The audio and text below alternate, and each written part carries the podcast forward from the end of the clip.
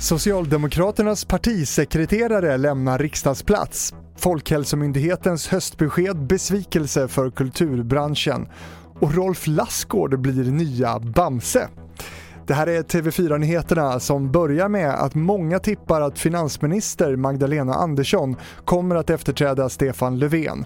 Även Socialdemokraternas tidigare partiledare Mona Sahlin som säger till SVT att hon hade blivit väldigt förvånad om det inte blev hon. Finansministern har tidigare varit rådgivare åt Mona Sahlin och har en lång erfarenhet från den socialdemokratiska partitoppen.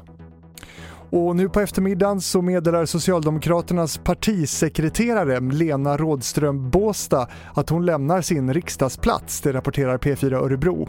Hon säger att det är svårt att kombinera riksdagsarbetet med rollen som partisekreterare, framförallt när det gäller resor.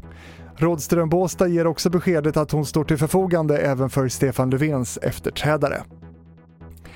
Folkhälsomyndighetens besked om att restriktionerna för bland annat kultur och nöjesevenemang inte kommer att lättas i september möts med besvikelse av branschen. Stefan Forsberg, styrelseordförande för Svensk scenkonst och chef för Kulturhuset i Stockholm, säger att han är luttrad vid det här laget och att hela samhället har vant sig vid ett ständigt fram och tillbaka. Ändå hade han hoppats på lättnader någon gång under hösten.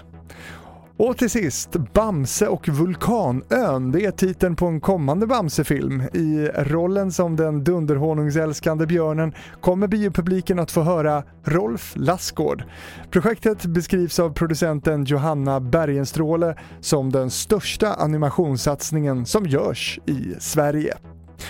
Det här var det senaste från TV4 Nyheterna. I studion Fredrik Rahlstrand.